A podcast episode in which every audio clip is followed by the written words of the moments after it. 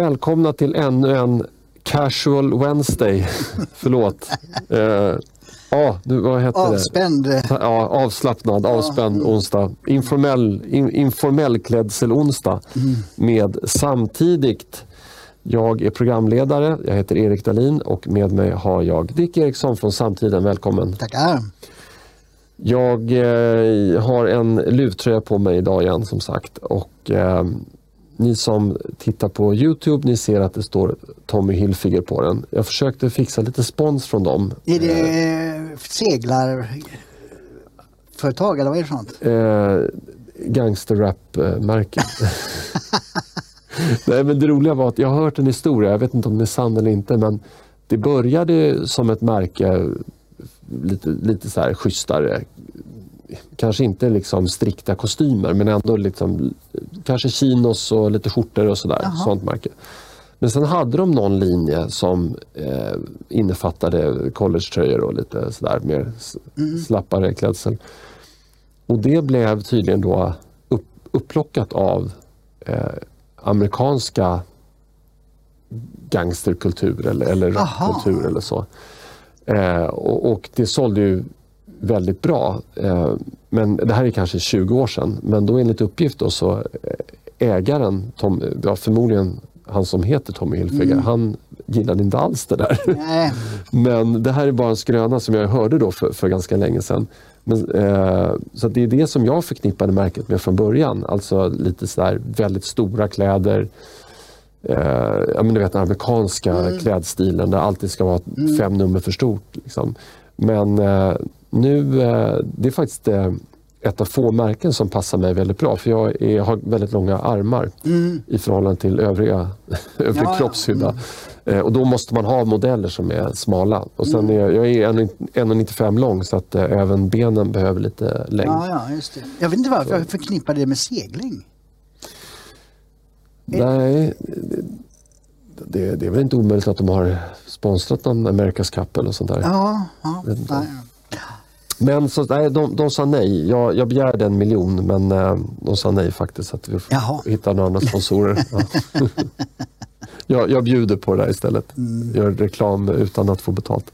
Ja, just det. Ja, eh, apropå att få betalt. Eh, vi pratade lite grann innan här, eh, innan podden och jag konstaterade att det är väldigt många poddar nu som eh, antingen har allt material bakom betalvägg eller åtminstone vissa delar. Mm. En som jag inte tog upp för dig det är Radio Bulletin. ligger också bakom betalvägg. Ja, mm. eh, och den är ju, eh, nu har jag inte lyssnat så mycket på sistone men när Per Gudmundsson och Dan Korn har eh, poddandet där, det är väldigt, väldigt bra tycker jag. Mm. Extremt bra. Men två stora poddar då som, som folk känner till det är ju God ton och Den sista måltiden. Som har, God ton har ju då varannan fredag fritt och varannan bakom betalvägg. Betal, ja. Och eh, sist, den sista måltiden har väl i regel då eh, halva programmet eh, gratis och sen resten bakom betalvägg. Eh, så att, min poäng varför jag tar upp det här det, det är bara för att jag eh, vill eh, att våra lyssnare och tittare ska kanske tipsa sina vänner som, har, som är intresserade av politik och som kanske inte har lust, råd eller annan möjlighet att eh, betala för sitt lyssnande. För vi tänker inte göra något sånt? Nej, inte i brårasket i alla Nej. fall. Eh, så att, eh, eller vad ska jag säga, så här, inte med samtidigt men det kan väl hända att man, både du och jag kan hamna i sammanhang framöver som ja, ligger bakom. framåt någon ja. gång, det vet man ju aldrig. Men eh, det finns inga planer på att eh, göra någon, någon sån där betaltjänst här inte. Nej, utan allt allt material vi eh, spelar in eh, och lägger ut, det lägger vi ut till allmän mm. beskådan. Ja. Eh, belysning. Belysning, ja. Mm. Nu är det dags att prata om det här partiet och gamla, framförallt gamla partiledare som kritiserar varandra. Det är Ulf Adelsohn som menar att Fredrik Reinfeldt skapade institutionstecken ett helvete för Moderaterna. Eh, Reinfeldt har inte svarat på det här. Nej. Det, mm. det brukar eh, inte vänsterliberaler göra. De brukar inte... Nej.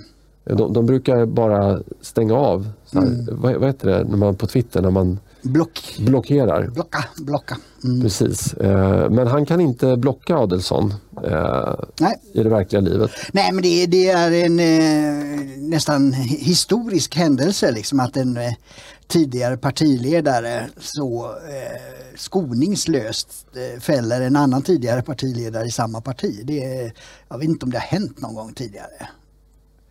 Och, eh, men det är inte konstigt för det, det, det är ju ett exceptionellt misslyckande som Reinfeldt står för i svensk politik. Det kommer att gå till historien som liksom det, det, det är nästan värre än alla blunders man gjorde under andra världskriget. Liksom. Det är helt sanslöst och helt opåkallat. Det fanns liksom inga kriser, det fanns inga eh, yttre eh, påverkans, eh, alltså, eh, sånt som man inte kunde förutse. Och inget sånt fanns utan det var bara egna hjärnspöken i de här partierna som sa att Sverige är den humanitära stormakten och därför ska alla världens fattiga få komma till Sverige. Det, det bara ett, ett, ett absurt korkat påhitt som fick eh, både den här, eh, hans alliansregering och, och Löfvens sen, sen sju katastrofala år att sänka landet. Liksom. Det, det är helt fantastiskt dåligt. Och därför är det bra att Ulf Adelsohn ändå tar bladet från munnen. För det är ju fortfarande så att i många kretsar som vi har pratat om i podden så har ju Reinfeldt ändå en, en särställning för att partiet nådde ju ändå 30 procent eh, under hans tid. Och, och valresultat har betydelse för partiledarnas status ju. Fick de 30 procent i valresultat? Nej, Ja, det är 2010. Ja, det var som bara den. Okej. Ja, men det, var, det var ju eh, den här taktik, han körde samma taktik som eh, eh, Tony Blair då för Labour i Storbritannien och Gerhard Schröder i Tyskland då för Socialdemokraterna där, SDP. Att eh, triangulera, alltså ta bort eh, konfliktytorna mot huvudmotståndaren. Eh, Så Blair förde ju mera liberal och marknadsinriktad politik och, och, och eh, krossade, ska vi väl fel att säga, men han tog bort eh, det här vänsterfackets mycket starka inflytande över Labourpartiet. Eh, en paragraf som jag inte kommer ihåg namnet på nu som sa att, att eh, facket eh, hade väldigt stor makt över, över partiet. Och det tog han bort så att eh, han frigjorde sig från det och, och kunde då sitta eh, vad var det han satt nu då, från 97 till eh, 20, ja det är drygt 10 år. Då. Eh, Schröder gick det ju inte lika bra för. Men det, det, Reinfeldt använde samma taktik då genom att inte kritisera eh, LAS, inte ta bort eh, eh, vad heter det, eh, värnskatten och en hel del andra sådana här frågor eh, för att inte eh, skapa konfliktyta med socialdemokratin. Då. Och så, Och det, det, det blev framgångsrikt då 2006 eh, mot, mot Göran Persson för han visste inte hur han skulle tackla det. Han var ju en eh, eh duktig eh, taktiker eh, annars. Men, men det här nya, det, det hade han svårt att, att greppa om för Reinfeldt sa ju det. Allt Socialdemokraterna föreslår så kommer vi att bjuda över in, inom, det var väl välfärdssatsningar? Ja, ja, ja, det. Så in, inte på u-landsbistånd Nej, och nej, nej så. precis, men det mm. gjorde man ju ändå. Det var, och det var där det brast. Ja, exakt. För Mm. att så långt var, tycker jag det var en smart eh, strategi inför valet 2006. Va? Eh, och då införde man ju dels de här begränsningarna i sjukpenningen som vi pratade om i förra avsnittet.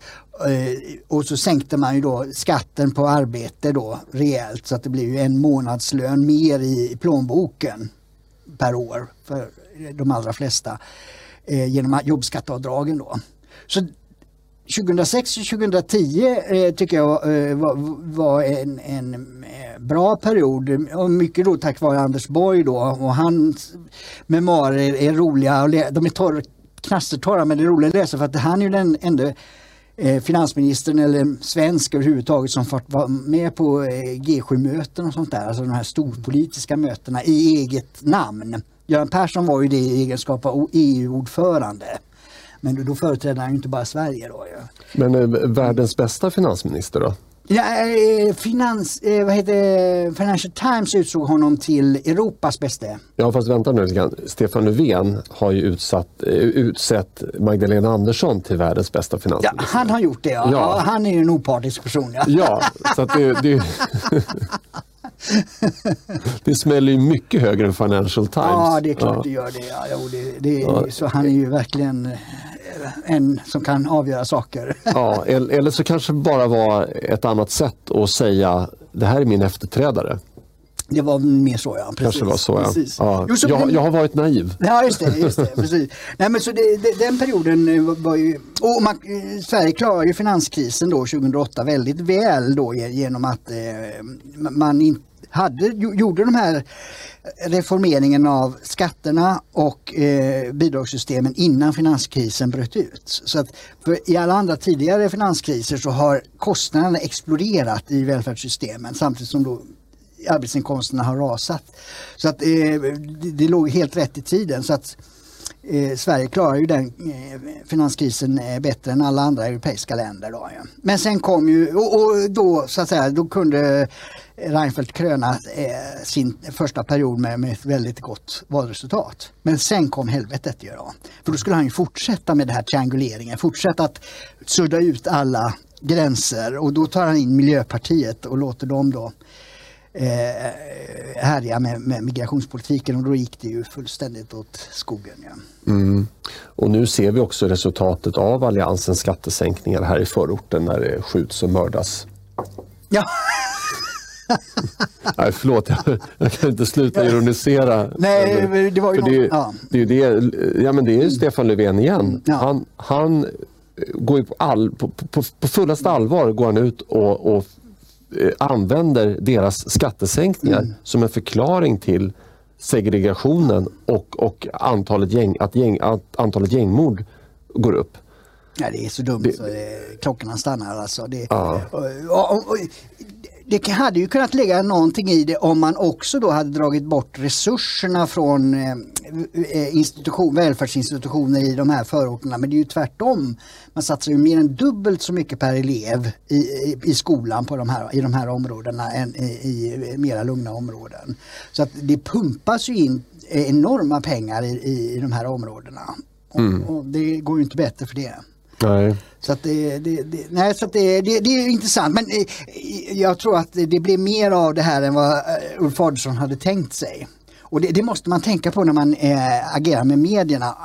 Allt man säger och som är lite spetsigt, det finns en medielogik som gör att det blir tio gånger spetsigare om det slår igenom i media. För det drar iväg då och, och drar ut konsekvenser och, ja, på alla ledder. Så det är, och synnerhet då en pers person som, är, jag kommenterar ju bara men jag måste tänka på det hela tiden också. Men, men eh, framförallt de som är i maktställning så, så, måste man tänka på det att det här, eh, får det eh, fart så blir det ännu mer tillspetsat.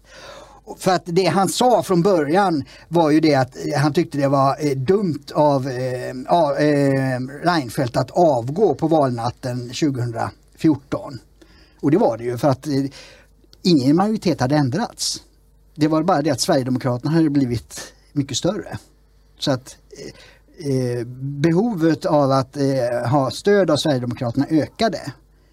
Eh, men, men man, man, maktbalansen var, var ju i övrigt inte särskilt annorlunda. Och det var ju det han vägrade då, att prata med Sverigedemokraterna. Och det var därför han avgick. Eh, och så fick eh, Socialdemokraterna träda till istället som inte heller hade någon majoritet. Och det, det, det säger ju Adelsohn, det var ju riktigt korkat. Liksom, att det finns ingen anledning att avgå när man inte har en majoritet emot sig. Va? Eh, och det är ju en teknisk fråga kan man säga. Och det, och det andra skälet var eh,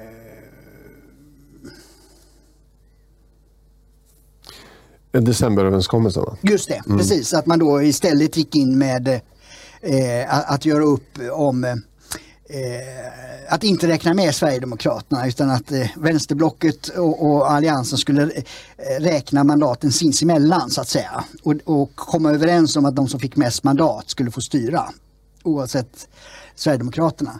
Och, och eh, jag tyckte då på den tiden tyckte jag det låg en poäng i det för jag tycker alltid det är viktigt att, att man har en tydlig regeringsmakt. Så att säga. Och att då vet väljarna vem man ska kräva ut ansvar av. Jag tycker det är en, liksom en demokratisk eh, eh tydlighet istället för att man gör upp, så som vi har sett med januariavtalet, att man gör upp i korridorerna.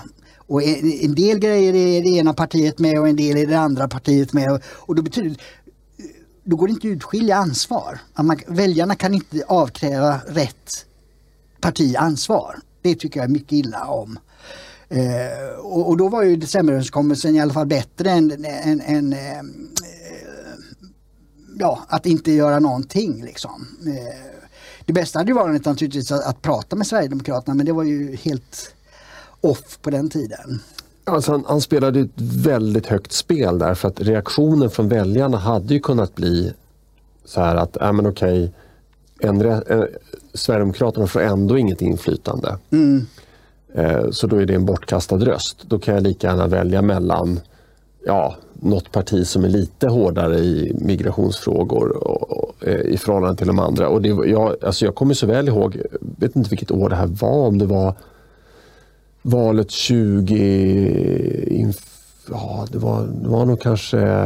Ja, det var nog efter valet 2014 eh, som jag hörde det här att de, de, de satt och spekulerade om, om just Sverigedemokraternas mm. inflytande då. Och så här, ja men hur... Fick, var, fick panelen och frågade ja, men hur, om, om Sverigedemokraterna växer, någonstans går ju gränsen för var man måste ge dem inflytande. Ja, ja 51 procent ja, det. var det någon gubbe som sa då. Mm. Och det är, så här, det, det, är så otroligt eh, nedvärderande. Och, det är korkat också. Och det, och det är korkat, precis. även mm. decemberöverenskommelsen, alltså eftersom eh, min tanke var ju då, ja men då har de två eh, står mot varandra, de här gamla blocken och det tredje är ju Sverigedemokraterna. Och gillar man inte de här två, då är det Sverigedemokraterna man röstar på. Och så blev det också. Sverigedemokraterna mm. ökade dramatiskt efter det, vilket tycker jag var helt rätt. Och, och, just det, men det här med paradigmen att folk faktiskt har gått runt och trott att de andra partierna kan gadda ihop sig och se till så mm. att Sverigedemokraterna inte får något inflytande mm. förrän om partiet skulle få 51 procent. Mm. Man kan tycka att det här är en helt bizarr uppfattning mm. idag. Mm. Men det var folk som ja, på ja. riktigt trodde. Och jag vet inte var Fredrik Reinfeldt stod i det här. Om han 2010 då, nej förlåt, 2014 mm. när han avgick. Om han på allvar trodde att ja, det finns faktiskt en möjlighet att vi kan knäcka partiet så som vi knäckte Ny, Ny Demokrati. Där lyckades etablissemanget. Eh, alltså nu, nu sitter vi här där, där och, och, diskuterar eh, partiet när det är närmare 20 procent. Va? Ja, jo, jo det har eh, det, det, ja. precis. Men partiet gick ju fram till 12,7 procent 2014. Ja. Alltså det är inte många partier som har varit större än så. Nej. Eh, så att det, det, det, det, valet 2014 var ju en väldig framgång och det var, det var också det Moderaterna tappade ju då alla, alla, allt det här övertaget ju, eh, från 30 till eh, 23 tror jag det var. Eh, och det var väl kanske det snarare som gjorde att han eh, kastade in handduken. Liksom att, eh, hans, den här, jag beskrev den här trianguleringen, att ta bort alla konfliktytor, den fungerade ju inte längre uppenbarligen. Och att det var det som knäckte honom, att han tyckte att nu håller inte min strategi längre. Men det är fegt att, att eh, liksom bara hoppa av när man fortfarande har alla möjligheter. och då fanns ju inte den här kravet på omröstning om statsminister utan eh, då kunde han ju eh, sitta kvar tills dess att Sverigedemokraterna röstar bort honom med, med social... Mm. Det, det, var ju det som hade krävts då. Va? Eh, så det, det, det, nej, det var korkat. Decemberöverenskommelsen tyckte inte jag var korkat på samma sätt om man utgår från det här med att man ska ha tydliga regeringsalternativ, vilket var, var min tanke med det. Men det visar sig, det fungerar inte heller. Men sen då blir han intervjuad, eh, Adelsson, eh, efter han har sagt de här två grejerna då till Göteborgs-Posten. Då ringer Aftonbladet upp honom och då utvecklar Ulf Adelsohn det här och då tar han ju upp en tredje och då kommer han in på innehållet i politiken då. Öppna era hjärtan.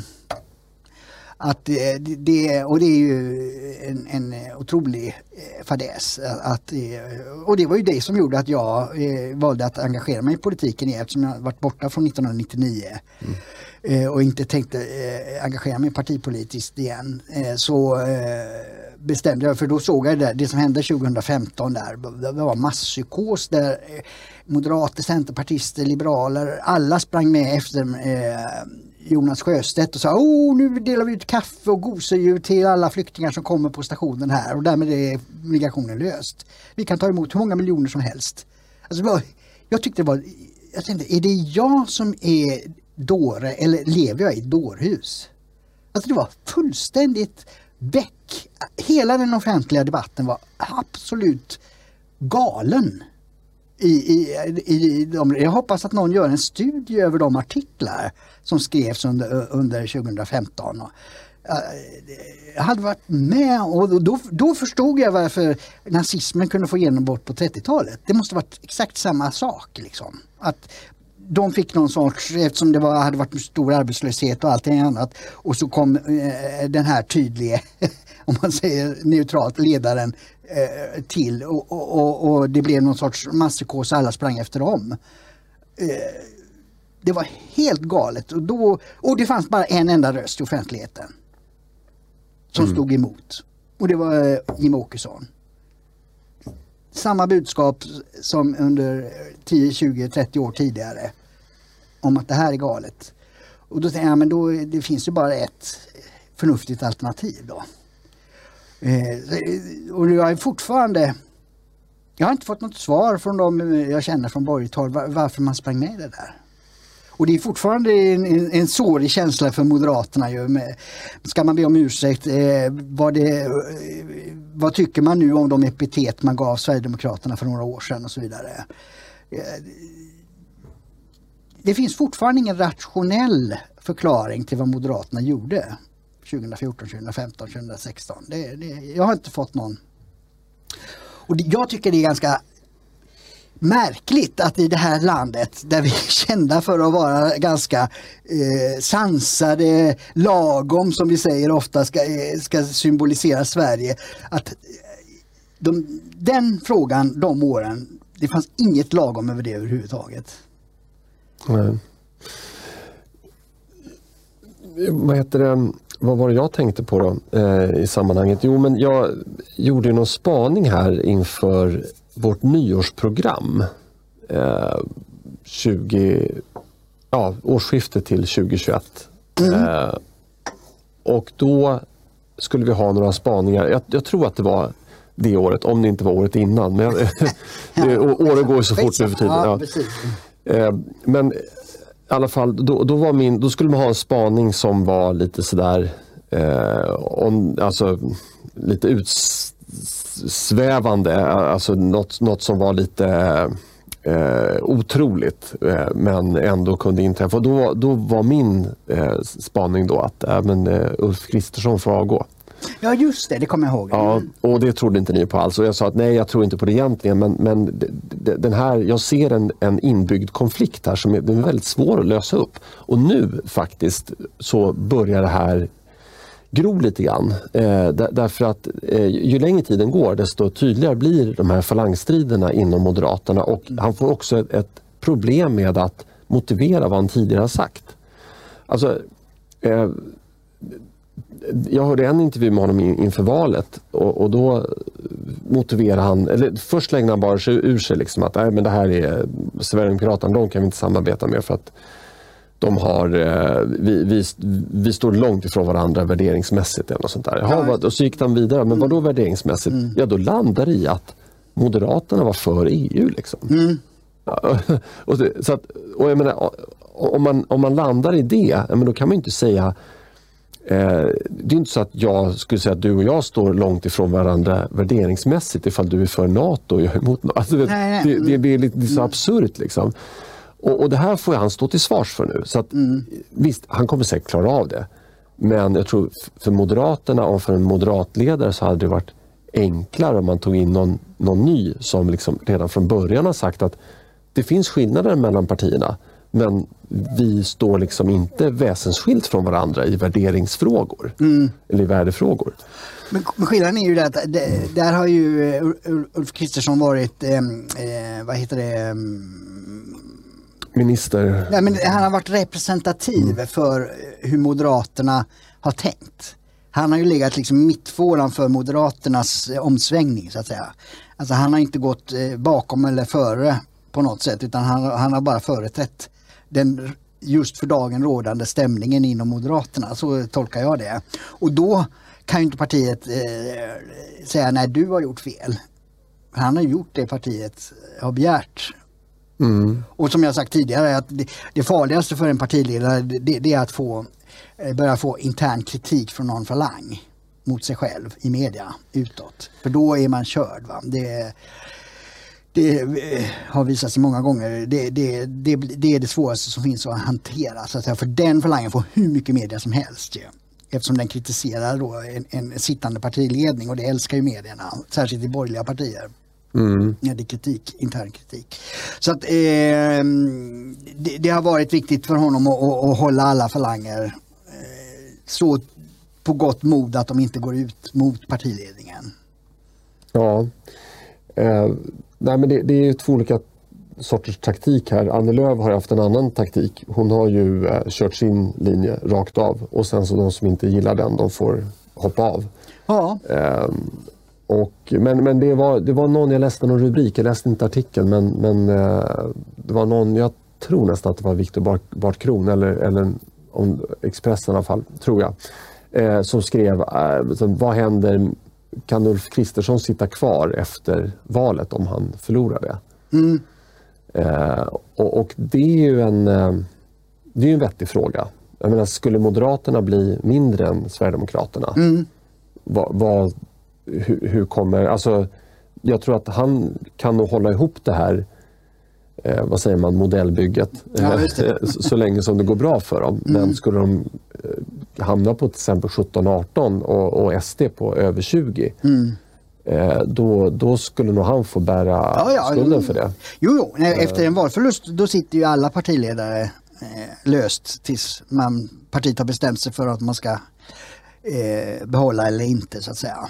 Det, det, så är det ju men eh, Eh, det, det, det gäller nu det är ju hur eh, eh det är ju hela tiden en massa artiklar där om hur man, mycket man ska samarbeta med Sverigedemokraterna och eh, om Sverigedemokraterna som, som det heter i mediesammanhang, ska få komma med i regeringen eller, eller inte.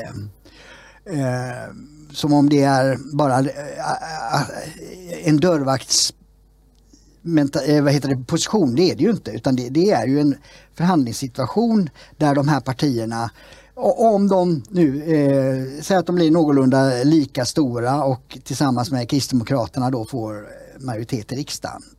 Då är det de tre partiledarna som bestämmer hur det ska vara. Och då måste alla tre vara nöjda. Annars går det inte.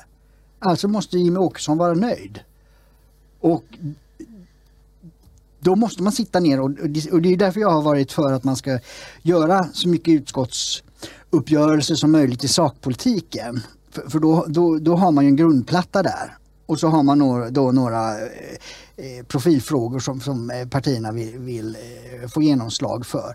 Och då förstår inte jag varför man inte skulle göra det i, i en trepartiregering.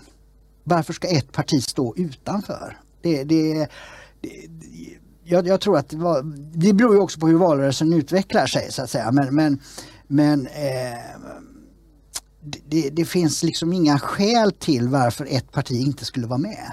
Och, och framförallt tror jag att eh, långsiktigt kommer Moderaterna och Kristdemokraterna att förlora på det. Ja. För, för, för, att, jag menar, skulle det vara situationen att de helt enkelt inte förhandlar med Sverigedemokraterna mm. överhuvudtaget. Det vill säga att de, skulle kunna förhandla sig, okej okay, ni, får, ni får vara utanför regeringen mm. men ni får fullt genomslag för er politik på de här områdena. till mm. exempel. Ja, men då blir det som något sorts januariavtal ja. fast för mm. den sidan. Då. Eh, men eh, skulle de säga att nej, vi, vi förhandlar inte mer, eh, vi, eller så ni får något litet någon brödsmula här. Liksom. Då kommer ju Sverigedemokraterna säga, nej men då, då, då kommer inte vi släppa fram er. Precis. Och, och skulle, skulle då de, eh, det här, alltså det faktum att Moderaterna och Kristdemokraterna håller Sverigedemokraterna utanför regeringen leda till att vi får ytterligare en rödgrön mm. period då skulle ju Moderaterna och KD straffas enormt tror jag mm. utav eh, väljarkåren. Ja, och det är det mm. media inte förstår för att nu säger ju en del till exempel på Svenska Dagbladets ledarsida att Sverigedemokraterna har ingen annanstans att vända sig. Så därför kan inte de ställa så stora krav. Ja men oh, om inte Ulf Kristersson eh, och Moderaterna eh, ger eh, tillräckligt mycket och man inte vill ha Sverigedemokraterna med i regering, då är det bara att Sverigedemokraterna säger nej tack. Vi röstar nej för att det här är inte tillräckligt bra regeringspolitik. Det har ju ingenting med vad Socialdemokraterna och andra har att göra. Det, det är ju relationen mellan dem. Och då har ju de etablerade partierna på den sidan gjort bort sig. Om de saboterar ett möjligt maktövertagande. Det är ju lika glantigt som Reinfeldt gjorde då 2014 att sätta sig i en sån situation. Så det, och, och, och jag hörde också någon, någon kommenterade det här med att eh, eh, Sverigedemokraterna har ingen regeringserfarenhet. Nej, men när Torbjörn Fälldin tillträdde 76 då hade inte heller någon borgerlig politiker någon regeringserfarenhet för då hade sossarna regerat i 44 år. och så gamla ministrar tog man inte in så att de kunde varit med på 30-talet. minister på 30-talet och sen på 70-talet. Det hade inte gått. Va? Eh, och det finns avhandlingar, Hans Bergström har gjort avhandlingar om, om hur det regeringsbildningen skedde eftersom den var så eh, ja, dramatisk på många olika sätt. Liksom, att ingen i, i regeringen eh, hade haft något inflytande på regeringskansliet någon gång överhuvudtaget utan det var ju sossarna som dominerade. Så i det läget så var ju eh, Moderaterna lika, och när Kristdemokraterna trädde in i regeringen, de trädde in samma år de kom in i riksdagen. 91 då i Carl Bildts regering. Det var mm. första året, eh, det var samma, jag tror Alf Svensson var, han var, var riksdagsman några enstaka dagar innan han blev minister. Okej. Okay. Nu var han i och för sig riksdagsman för Centerpartiet en gång i tiden men det var ju bara han, det var inte partiet då. Så att, eh, det, det, där med erfarenhet är ju bara eh, larvigt och, hävda att det skulle vara någon, någon, eh, någon, fråga utan det är ett nytt och framväxande parti så är det klart att det inte har, har någon regeringserfarenhet. Men då, och då är ju de här mätningarna vi tittade på förra veckan i kommunerna. I kommuner där Sverigedemokraterna styr så ökar man när SIFO mäter på kommunal nivå. Och det är ju ett tecken på att eh, Sverigedemokrater kan ta ansvar när de får makten. Det, det, är inte det här så kallade populistpartiet som, som man slänger omkring sig utan att veta vad det betyder. Utan det, partiet, eh, när det får ansvar så eh, agerar man på ett sätt som gör att, att eh, fler väljare i, i den kommunen stödjer partiet. Och det, det är ju, så det finns liksom ingenting som eh, är positivt med att hålla eh, Sverigedemokraterna utanför regering annat än att bekräfta Socialdemokraternas smutskastningskampanj. Att Sverigedemokraterna är någonting annat eh, i demokratiskt hänseende än de gamla partierna. Man skulle bara, man skulle bara ge eh, Socialdemokraterna vatten på deras kvarn. Alltså det, det är korkat. Eh, finnarna är ju, de har ju, har ju en väldigt annorlunda historia med inbördeskrig och ockupation. Ja, nu får jag inte säga ockupation. Jag sa det vid något tillfälle. Eh, de var, eh, deras östra delar var ockuperade under eh, andra världskriget och blev sen annekterade till Sovjetunionen.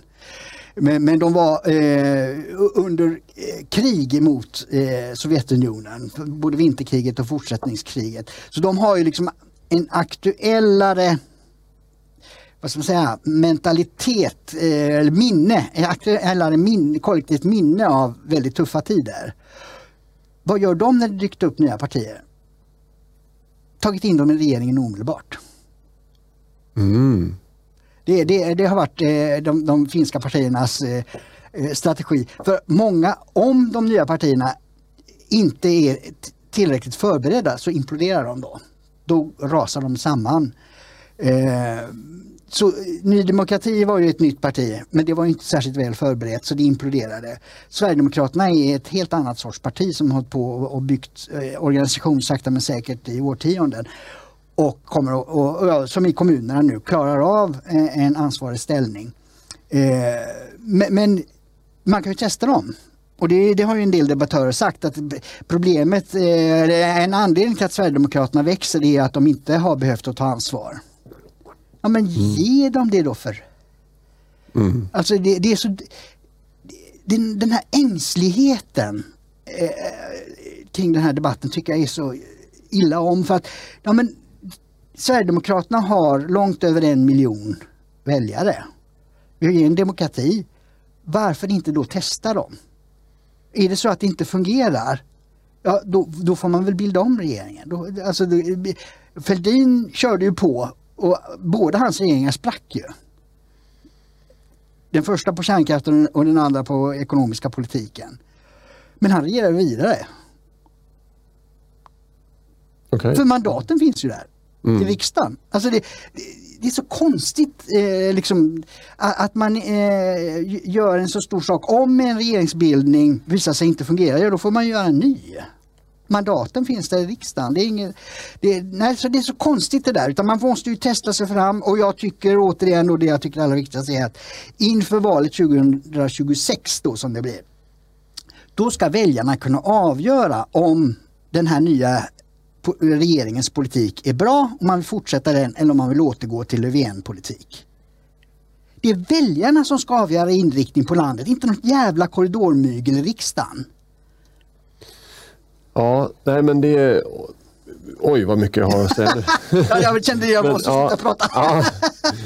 Nej men, men det är ju eh, det här korridormyglet och sådär. Man, eh, det är ju, eh, många jämför ju, eller många många, men jag lyssnar ibland på Sveriges Radio och, och där, där har man på något sätt jämfört eh, det här med eh, eh, att Kristersson nu närmar sig SD med eh, något, något, sorts, att det liksom är antidemokratiskt. Jag kommer inte exakt ihåg att plocka upp det här men men, men, det är nog Twitter tror jag. Ja, det, det, kanske kan vara. Men, men alltså det här att man, man jämför det med, med januariavtalet. Men det, det, är, så, det är en radikal skillnad för att eh, januariavtalet, där, där grep partier makten som sa att de inte skulle ha någonting med varandra att göra. Mm. De gick till val på att vi, vi, vi tillhör inte samma block, vi kommer inte liksom hjälpa varandra till regeringsmakten. Och så gjorde man det efter valet. Mm. Närmandet nu, det har ju inte någon eh, realpolitisk eh, innebörd, någon betydelse. Det spelar väl ingen roll att Alltså, så länge de inte bildar regering och tar makten men, men däremot kommer de ju, alltså Moderaterna kommer ju säkerligen säga inför valet nu 2022 att men, vi har inga problem att regera på SDs mandat. Det kommer han ju säga.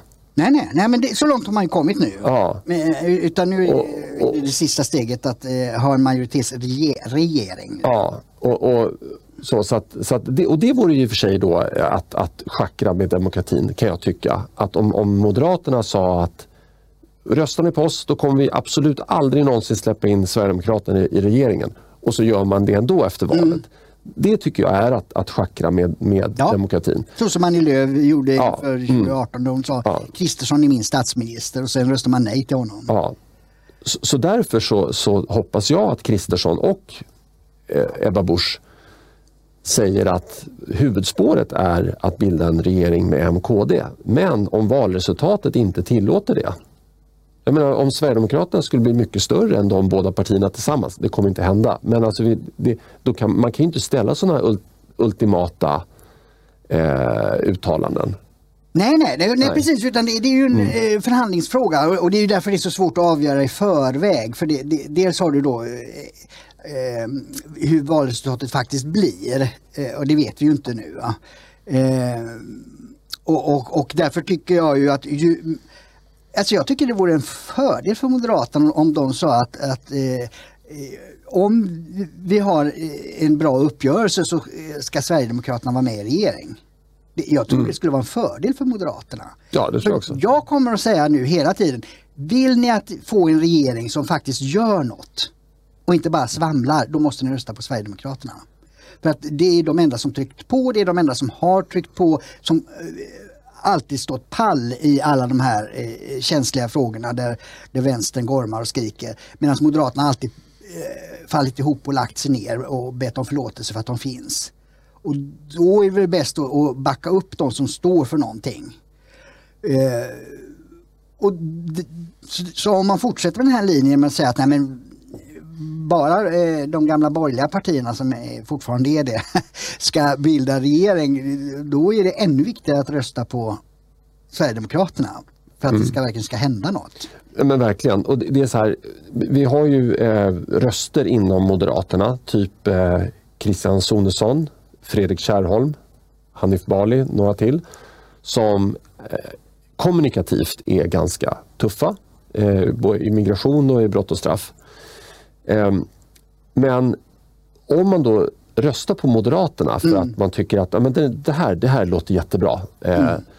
Då ska man inte rösta på Moderaterna. Då ska man rösta på SD. För att om SD blir jättestora, då kanske man genomför den falangens mm. politik, alltså moderat, den, den, hög, den, den tuffare falangen inom Moderaterna, mm. den eh, falangens politik. Ja, det kommer ju Sverigedemokraterna kräva helt enkelt. Ja. ja. Mm. Medan om Moderaterna blir stora, då är det inte alls säkert Nej, att det är den falangen som, som kom, får komma till tals. Utan då kanske blir det mer liberala falangen inom Moderaterna. Exakt, precis. Så att, så att man blir, eh, det är lätt att bli lurad där som väljare tror jag. Sen ska jag säga det angående det här med att eh, man inte har någon regeringserfarenhet. Alltså, man kan inte styra ett land som man styr ett företag. Jag menar till exempel om man säger upp personal i ett företag, mm. då har man inte någon, i princip något ansvar för, för dem längre. Man, mm. Så kan man inte göra in, med ett land till exempel. Det finns många avgörande skillnader. Men Sverige har kommit för långt ifrån att driva, säg, säg att ett land från början drevs som ett företag ungefär. Eh, men vi har kommit alldeles för långt ifrån det. För att de här politikerna, de ser ju inte statskassan som, sin, alltså som, som sina egna förvärvade pengar. De ser det som ett medel att liksom, eh, förverkliga några ideologiska utopier. Mm. Eh, alltså att de slaskar iväg 900 000 till någon person som skriver poesi för en kommun. Mm. Men det spelar ingen roll. De skulle aldrig göra det privat. Nej om, om, om de fick frågan på torg, hej har du lust att skänka pengar till en mm. poet här som ska skriva poesi för en annan kommun? Mm. De hade aldrig lagt i pengar i den burken. Nej. Och de hade heller aldrig välkomnat en flykting in till sitt eget hem. Mm. Men med det allmänna så kan de göra det. Så att, eh, och det här, vi, har, vi pratade om sjukpenningen i förra avsnittet. Mm. Det, det, är också ett exempel. Ja, men det är jättetufft att vara hård. Det är jättetufft att säga att vi kan inte liksom låta den här kostnaderna drar iväg. Eh, och då är det mycket lättare att säga att men det här är ändå inte mina pengar. Mm. Jag vill vara snäll, jag vill vinna nästa val. Det är klart, vi ska släppa alla tyglar här. Mm. Eh, men vi måste faktiskt börja vrida klockan tillbaka lite grann och börja betrakta landet som ett företag eller som den egna plånboken. Det vill mm. säga någonting som man håller lite grann i. Och där tror jag verklighetens folk, om man nu får säga så, till exempel Louise Eriksson i Sölvesborg, det är därför jag tror att hon gör ett sånt fantastiskt jobb. Mm. Därför att hon kommer från verkligheten. Precis, och respekterar eh, att det är väljarna man företräder, inte någon jävla utopi eh, som man hittat på och har något hjärnspöke kring. Liksom. Utan det, det är faktiskt för det, det var det, jag har väl sagt i podden också, det, det var det jag gillade med, med Torbjörn Fälldin och den generationens eh, bönder i Centerpartiet. De såg till verkligheten. Va, vad kan jag göra för att det gemensamma ska bli bättre? Eh, och inte hitta på någonting att Sverige ska vara världssamvete eller, eller något, något så här oerhört flummigt som man håller på och, och springer runt eh, med. Utan det var vatten och avlopp, vägar, järnvägar, infrastruktur, utbildning, skola. Alltså det, det, det som faktiskt betyder något för, för väljarna. Det är de som är uppdragsgivare. Och det måste vi gå tillbaka till och det upplever jag verkligen att det är så i Sverigedemokraterna, att man ser på det på det viset och inte som eh, ombud för någon eh, radikal utopi. Va? Nu Dick, mm? byter vi ämne. Ja.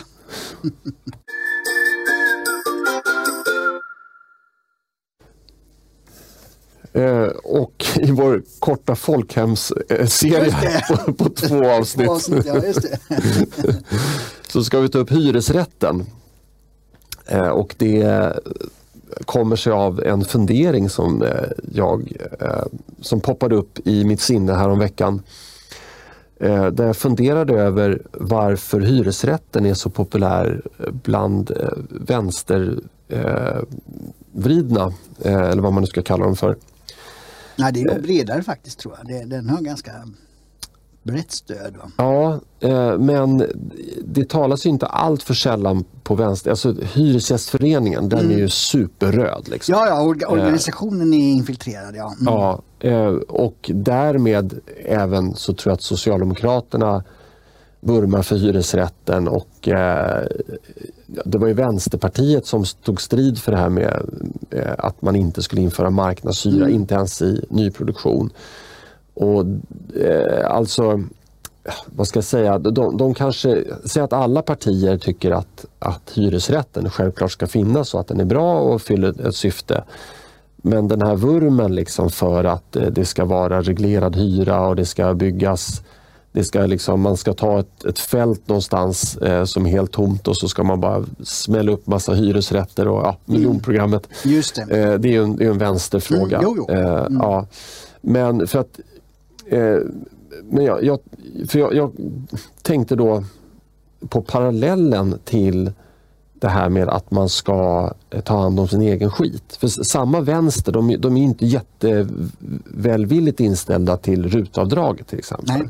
Utan ja, men, även om man bor stort, då ska man dammsuga själv, man ska tvätta själv och det, det är bara överklassen som eh, eh, anlitar andra personer som de eh, suger ut och, och utnyttjar mm. och sådär. Utan nej, man ska, man ska tvätta själv och man ska eh, hämta barn på förskola själv. och mm. det, sådär. Men hyresrätten, alltså själva fundamentet för den bygger på att det är någon annan som underhåller lägenheten ja, än en själv. Mm. Så att till exempel om en kran, vattenkran börjar droppa, då ringer man hyresvärden och så kommer hyresvärden och, och byter ut den. Mm. Eller om det är normal slitage men någon gång då och då måste man ju måla om hemma. Eh, och då är det återigen det är hyresvärden som, som får stå för det. Så att man tycker då att, att medborgare ska absolut inte liksom leja bort städning och tvättning och sånt till andra. Men däremot att måla om en vägg, det ska man inte göra Nej, själv. Jag, jag, jag, får inte ihop de här två världarna. Dick, är jag ute och cyklar här? Eller? Nej, nej, men du har, du har helt rätt. Och det, det, det, många har ju dragit paralleller med eh, RUT eh, och eh, som då är väldigt kritiserat som pigavdrag och allt vad det kallas.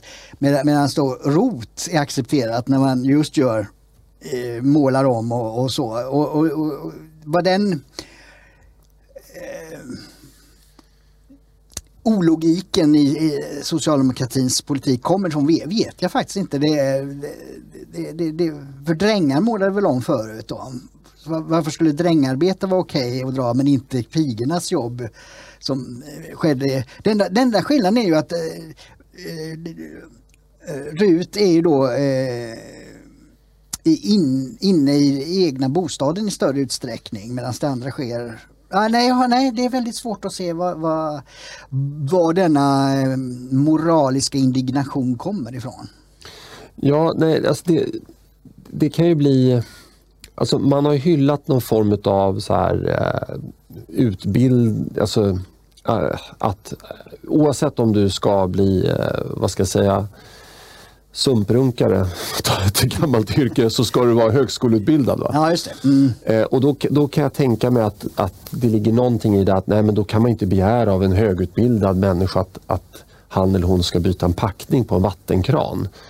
Eh, alltså man har ju, alltså även Socialdemokraterna har den här lite översitteriandan mm. i sig. Att eh, men, det, det, är väldigt konstigt för de, de har ju liksom tagit det här med arbetarklassen, den har man ju, den har bara, man ju bara slängt över bord. Liksom. Mm. Utan nu ska det vara, du ska gå gymnasiet och sen ska du studera. Och all, allra finast är om du blir genusvetare. Och om du är genusvetare, ja, men då, då ska du inte behöva byta packning på din kran. För det ska ju hyresvärden göra. Mm. Eh, och det, det, ja. jag, jag, vet inte, det, det är någon sån här...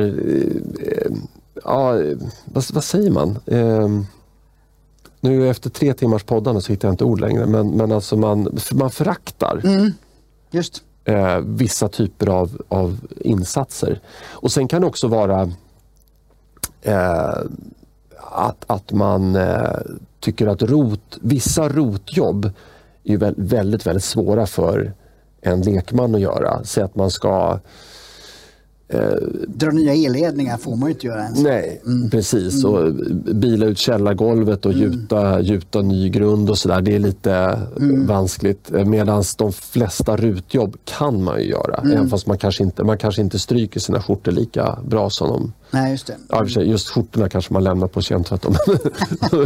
men eh, ja, eh, så det, det är väl kanske den eh, mm. parametern också. Men, men jag tror att, att lite grann av det här Eh, bygger på något sorts eh, förakt. Att, att man, vill, eh, man vill sväva ovanpå, man vill lämna det här arbetar klassmiljön och, och, så ska man flyta lite ovanpå, man ska bli genusvetare och sen ska man ska någon annan sköta hemmet mm. med ommålning och ja, ja. Nej, nej, alltså det, vad säger jag, statusstrukturen är väldigt obegriplig för vänster numera. Ja. alltså vad som ger status och vad som ger status. Vi, vi var inne på det om det var förra avsnittet med, med arbetarmoral och sådär. Alltså att eh, status för var ju att eh, vara eh, självförsörjande så att säga. Det, det, är inte på det sättet idag, bland vänstern i alla fall. Nej, Nej men det är intressant. Jag, jag gjorde egentligen jag kanske borde gjort en, en rigorös bakgrundskontroll här av diverse fakta men då hade det här programmet kanske blivit tre timmar å andra sidan. Mm. Eh, men det är intressant att se hur hyresrätten har utvecklats. Alltså, det var väldigt knapphändig information eh, och hur det här fungerade på 1700-1800-talet. Mm. Eh, men rimligen var det så att det var, det var ganska korta eh, situationer i livet som, som man hyrde en bostad av någon annan. Och det hade ju delvis att göra med att hyresvärden hade ju rätt då att, att bara eh, säga att nej men du får bo här eh, ett par månader till men sen, sen får du flytta ut. Ja, det, det, jag kommer ihåg det, det, det, det är ju att förr var ju vad heter det, bostad ofta kopplat till arbete. Alltså till, till exempel mina morföräldrar de bodde ju ovanpå den järnvägsstation som man eh, skötte biljettförsäljningen till till exempel. Och du eh, hade bönderna, de bodde ju i bondgård och drängarna bodde ju också i den bondgården man jobbade för och jobbade man inte för den bonden längre, ja, då flyttade man ju därifrån. Så att, eh, och vi, även i, här i Stockholm så eh, finns det ju olika, jag kommer ihåg till och med att när jag jobbade på landstinget så fanns det fortfarande personalbostäder kvar för sjuksköterskor och de som jobbade för landstinget. Det, det fanns alltså personalbostäder som man kunde få när man började jobba för sjukhuset. Så att säga. Så förr var det väl ofta kopplat på det sättet? Kanske? Ja, men det, det, det stämmer mycket riktigt. Jag har många exempel på det. Min eh, mormor eh, bodde ju då... Eh, min mormor och morfar bodde separat, för båda var folkskollärare. Och, mm. och den ena bodde då i en lärarbostad och mm. eh, Eh, den andra bodde i en annan lärarbostad. Så det var egentligen både min mormor och morfar. Innan de gifte sig? Då? Eh, nej, de bodde gifta men... men Jaha, hade man kvar två? Ja, precis. Ja. Men, det, men det var, det var, de jobbade på sådana här eh, små skolor. Det var ju bara en mm. klass, liksom, ja, by, ja. byskola. Mm. Så det fanns ju inte jobb åt båda då. Ja, eh, pendla kunde man inte göra för på det sättet. Nej, nej så de såg också mm. på helgerna då. Så att säga. Men eh, min mamma sa att eh, ja, det var kanske lika bra.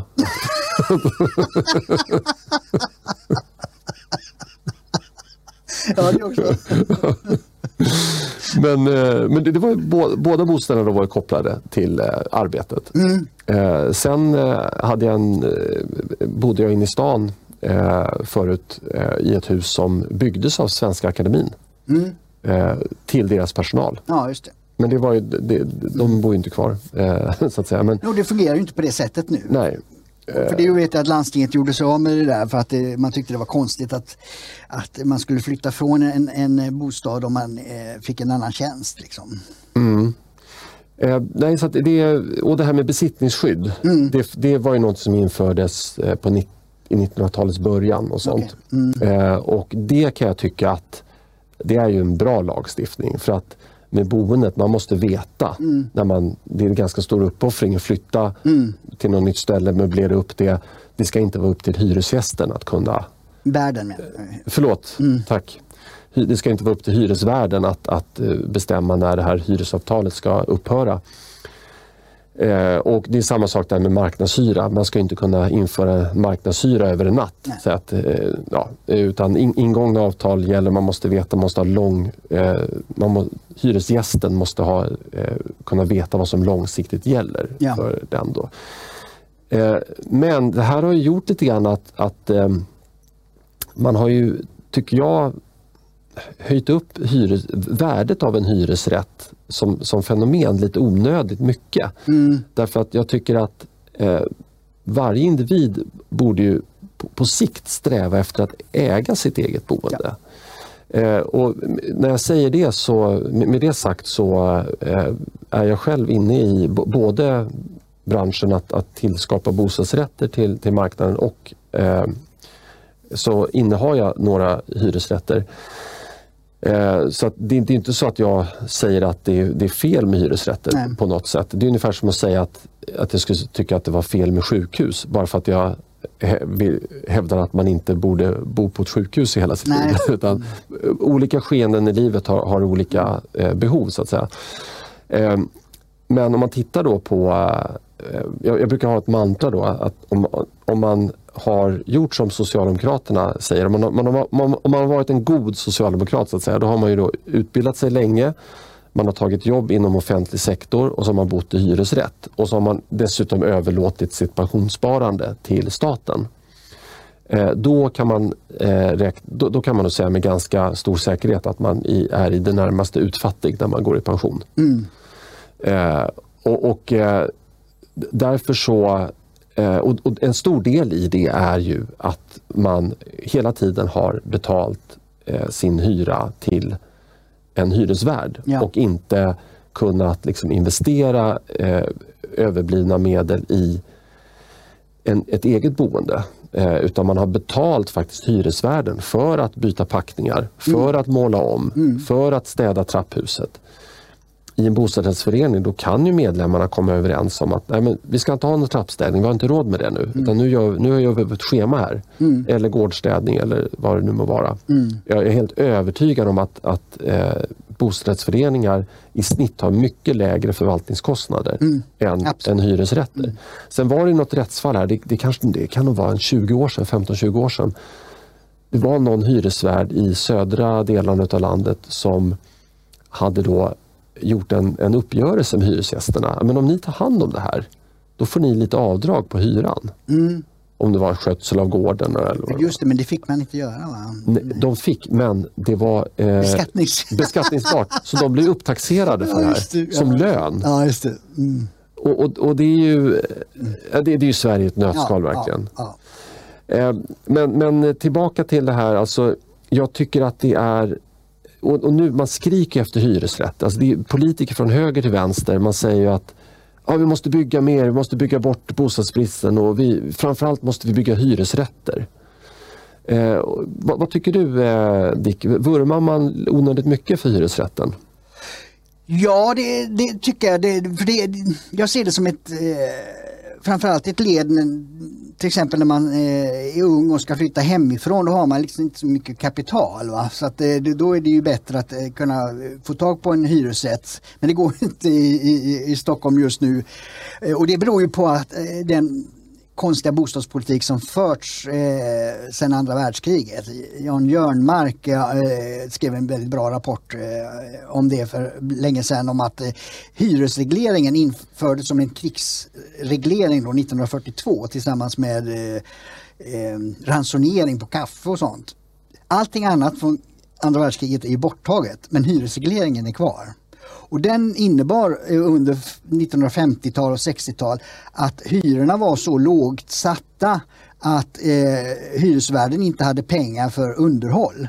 Och det gjorde bland annat eh, att eh, Annedals, stadsdelen där det sprängdes för ett tag sedan och där jag växte upp eh, till stora delar, eh, blev väldigt nedgånget. Eh, för hyresvärden hade inga, inga eh, eh, medel att eh, underhålla och därför, det var en, menar han, en anledning till att eh, de flesta stadskärnor i Sverige blev rivna som om vi var sönderbombade. att hyresregleringen gjorde att eh, husen blev i så dåligt skick att de på 60-talet var tvungna att rivas. Så, så, politiken har långsiktiga konsekvenser som man kanske inte ser direkt. Va? Eh, och, och, det var ju naturligtvis galet att ha hyresreglering och inte sen tillåta att hyrorna höjs så att man kan underhålla fastigheten. alltså det är så dumt så det är klockan stannar. Men de regleringarna är alltså kvar och de är fortfarande då politisk stridsfråga här nu med att, att, att eh, inte ha hyresreglering på nyproduktion. Då. Eh, och det kan man ju fråga var, varför det blir. Men det, det är ju en sorts socialistiskt boende då. Det är någon annan som äger och man, man får flytta in i det. Och det finns naturligtvis skeden i livet där man, där man behöver det. Men jag ser det som en karriär. Att när man väl har börjat jobba och man har kunnat börja spara pengar och man har en anställning och så vidare. Då, skulle, då borde man gå över i en, i en eget ägd, egna hem. Det fanns ju en egna hemsrörelse förr i tiden som just gick ut på det. Där man eh, till och med eh, det var ju enklare förr, då, då var ju de som deltog i det här, de var ju själva med och byggde hus, villorna som man sen flyttade in i. Ehm, och, och därmed fick en ja, både högre status och en högre eh, egen makt så att säga över sitt eget boende. Och det, den linjen tycker jag eh, man ska ha, att det, det, det är strävan att, att man ska ha makten över sin egen bostad. Oavsett om det är en bostadsrätt då, eller, eller villa eller radhus eller vad det är. Det, det, det, det tycker jag borde vara eftersträvansvärt. Men att hyresrätten finns där som en, en, eh, en del i mångfalden helt enkelt. Mm. Men sen har vi en annan aspekt också, det här med ägandeskapet. Då, för att eh, en, en tvättäkta kommunist eh, vill ju inte att något ska ägas av någon annan än staten. Nej, mm. Eh, och då försvinner ju segmentet egna hem, villor och bostadsrätter. Mm. Och jag tror inte att Socialdemokraterna för några årtionden sedan, de låg väl hyfsat nära de tankarna. Eh, och eh, tyckte då att eh, ja, men alla lägenheter ska väl ägas av staten. Va? Mm. Och så, allmännyttan. Allmännyttan, ja. Mm. Precis. Men det vi ser då det är ju att staten och det allmänna är väldigt dåliga ägare. Jag vet, pappa hade ju en, en hel del hyresrätter i början. han köpte efter den här 90-talskraschen då. och då var ju räntan ganska hög så han, han gick ju plus minus noll på de där. Mm. Eh, men sen när, räntan gick ner så, så började driftnettot öka. Eh, eller förlåt, eh, avkastningen. avkastningen precis, för driftnettot är, den tar ju inte hänsyn till räntan. eh, men eh, eh, då, då var ju reglerna sådana att som privat hyresvärd så fick man inte man fick inte ta ut högre hyra per kvadratmeter Nej, än liknande allmännytta. Precis. 1942 års hyresreglering. Ja, och jag tror man har ruckat lite grann på det där men, men mm. själva principen ja. finns kvar. Mm. Och då undrar man så här, men hur kunde, när det kommunala bostadsbolaget gick back, mm. eller i bästa fall plus minus noll, hur kunde sådana som min pappa då gå, gå plus? Ja. Och ha nöjda hyresgäster? Exakt. Och, det, det är för att han jobba med de här. Mm. Han, det, var, du vet, det var till och med så att han ville inte ens bekosta frimärken. Mm. Jag, jag kommer ihåg när jag var, var yngre då. Jag fick ju åka med honom och, och, springa upp i trappuppgångarna och dela ut hyresavier. Ja, just det. Mm. För att han var, var, för snål för att klistra på frimärken på, frimärk, mm. på, på, på, på kuverten. Mm. Eh, han skötte stor del av snöröjningen själv. Han åkte hem tid, trots att han var i princip ekonomiskt oberoende mm. på den tiden. Så åkte han hem hemifrån tidiga morgnar var på plats innan de liksom, kommunala snöröjarna var på mm. plats. Vilken kommunal tjänsteman gör det? Det, det, det, det är det här man missar, ja. den här drivkraften. Ja, det är en annan drivkraft, en annan ja. stolthet. Att, ja. att, det jag gör ska skötas så, gott, alltså, så perfekt det går. Ja. Och sen, sen, om det är lördag, söndag eller julafton eller vad det än är. Man har sin verksamhet, man sköter om den. Ja, man tar ansvar så att säga. Ja, absolut. Ja. Det är det. En annan aspekt på, på det där med hyres. Var har vi de utsatta områdena? Vem har byggt dem?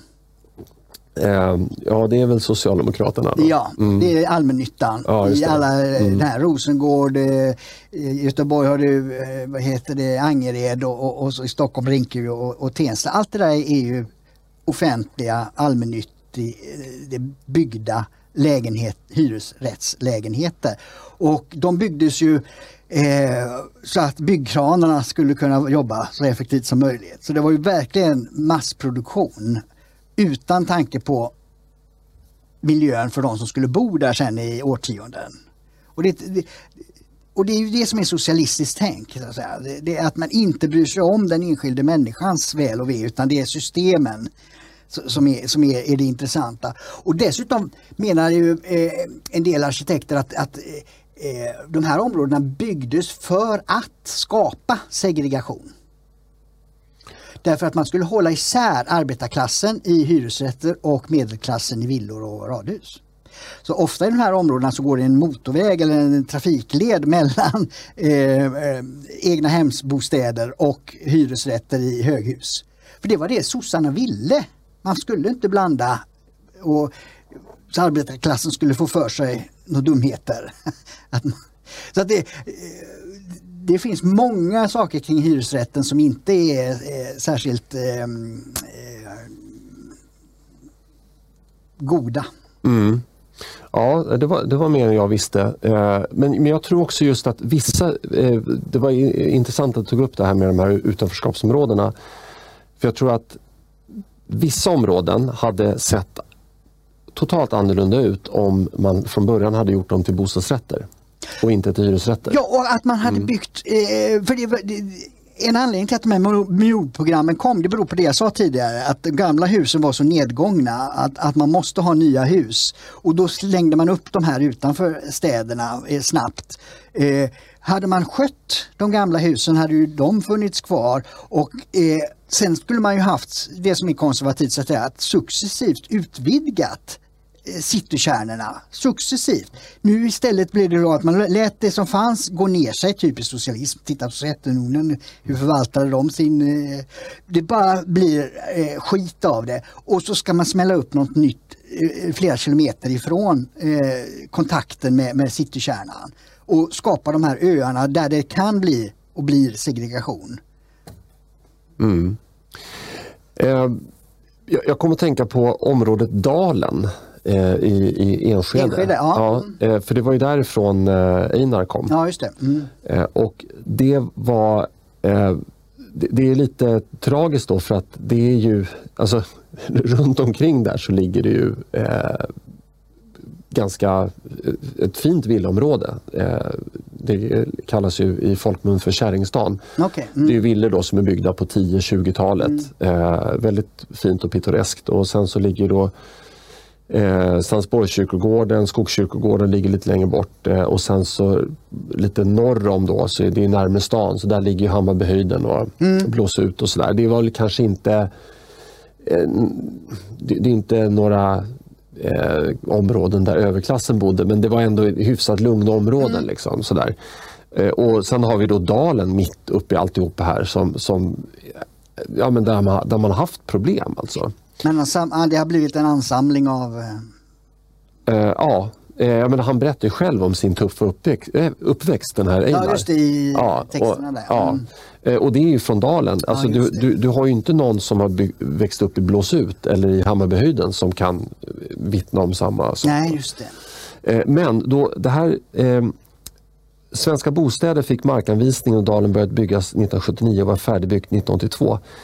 Men eh, planeringen eh, av nuvarande dalen påbörjades under hösten 1973 och någonstans där på 70-talet så var det väl det var någon oljekris va? Något sånt där. Ja just det, det kom eh... Ja, det kom då någon gång på mitten 70-talet. Ja, ja mm. så att enligt eh, vad jag har fått höra då från ganska säkra källor så tänkte man från början bygga det som bostadsrätter. Aha. Men så kom den här ekonomiska krisen och mm. då tänkte man om. Okay. Så att det här, jag skulle vilja hävda att det här är ett typiskt område. Nu kan man inte backa bandet och, och göra ett, ett, ett fullskaligt test på hur det såg ut. Men hade det här blivit bostadsrätter mm. då hade, det inte, då hade de sociala problemen inte slagit rot där. Det är, det är jag fullt övertygad om. Mm. Och Det har att göra med att eh, om, om man om man äger en bostadsrätt och det blir liksom stök och, och sådär och ens egna barn kanske stökar mm. i området. Ja, då innebär det att ens egna barn bidrar till att värdet på ens lägenhet minskar. Mm. Så då ser man ju till att man håller koll på både sina egna barn och andras ungar. Mm. eh, och man, man, eh, man, man vidtar även åtgärder för att eh, göra sitt boende, sitt hus som man är delägare i, finare. Ja, man investerar ja. i sin egen trivsel och, och, och, miljö. Det är ju det man gör när man äger. Ja. Från när man hyr, för då kan man ju bara eh, dra någon annanstans sen. Ja. ja.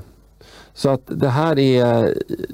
Jag, jag, jag, tycker att man kan mycket väl trycka in lite hyresrättshus här och där. Ja, absolut. Men mm. när man utvecklar ett nytt område så måste man se till att majoriteten, absoluta majoriteten av eh, boendeformerna ska vara bostadsrätt. Mm.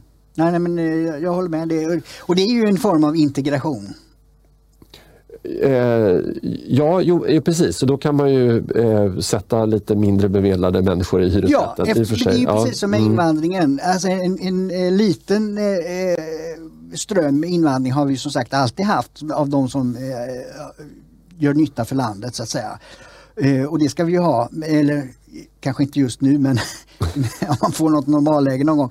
Eh, och samma sak här att, att, att eh, e-, en viss andel av hyresrätter ska ju vara och då bli blandat där det är, är ett tryggt område i övrigt. Och inte an, eh, de här utkastade områdena i betong utanför stan. Nej, och, och sen kan man ju fråga sig också, bara för att det är hyresrätt så Alltså många ser det lite grann som att ja, är det bostadsbrist om det står några utanför marknaden, ja då ska de in i hyresrätter och sen ska liksom kommunen sitta och betala. Ja, alltså, det, det, får vara en liten eh, balans där, alltså att eh, visst kan man placera personer i hyresrätt med bostadsbidrag och, och sådär men eh, varför jag reagerade var att eh, jag hade en diskussion, diskussion med Nacka kommun eh, under flyktingkrisen. Mm. Och då skulle man bygga då sån här, eh, eh, vad heter det, eh, barackboenden. Mm. Och, då, och, och hela den anvisningslagen den, den gäller bara i två år. Ja. Och sen ska, de hitta, då, sen ska de stå på egna ben. Och då motiverar den här kommunkommunikatören det här tilltaget med att jo, jo, men vi håller på att bygga nytt i centrala Nacka nu så där får de ju hyresrätter sen. Mm. Och då är det så här, är det verkligen så himla smart att ge nyanlända som eh, inte kan skaffa sig den här hyresrätten på egna meriter, eh, att trycka in dem mm. där? Ja, någon enstaka kanske, men alltså om man har den planen liksom, mm. för de här människorna som kommunen tar emot, då blir ju centrala Nacka ett nytt Fisksätra. Ja, om inte ännu värre. Mm. Så att jag ville bara eh, balansera mm. eh, din eh, ditt uttalande där. Men, men det kan ju vara liksom att det är välbetalda gästarbetare som, mm. som inte vill eh, köpa en eh, bostadsrätt av, av olika skäl såklart. Mm. Eh, som kan då få ett, ett tillfälligt boende eh, i, i, en hyresrätt och därmed så kan det väl bli någon form av integration. Då. Mm. Men den är inte påtvingad som eh, mycket Nej, och De som bor mm. där måste ju sköta sig naturligtvis. Det får inte, det, det får inte bli ett ett getto i miniatyr, så att säga att ett hus av tio i området eh, agerar folk helt annorlunda än alla övriga. Det går ju inte. Utan de måste ju sköta sig enligt områdets så som alla andra sköter sig. Ja, för det har man ju i London. Mm. Där har man ju den typen av social housing. Mm. Uh, nu sa jag ett engelskt, två engelska ord, ja, men jag var tvungen. uh, för det är ett engelskt begrepp. Mm. Men, men då, det är, det är helt absurt tydligen. Mm. Så här, fina kvarter, mm. i, i, dyra kvarter i London, mm. så har man så här, helt plötsligt ett hus som är så här, ett hus för, för socialt utsatta. Mm. Och Det blir också jättekonstigt. Ja. Jag tycka. Det, det är väl lite grann av pengaförstöring för då hade man kunnat sälja den marken och, och eh, eh, ja, använt de pengarna till, till att hjälpa människorna. Liksom. Mm. Jag, jag, vet inte hur de blir hjälpta av att, att liksom bo på en fin adress. Nej just det, det kan man undra. Men det, det, de har ju haft, mycket haft eh, den här Livingstone, vänsterradikal borgmästare hade de under lång tid. Ju. Och nu har de ju också någon vänsternisse som är högste lokalpolitiker i London. Ja, ja okej. Okay. Vilken tur att vi har Boris Johnson på toppen då. Ja, han var eh, enda undantaget men han har flyttat in i Downing Street istället. Ja. Just det.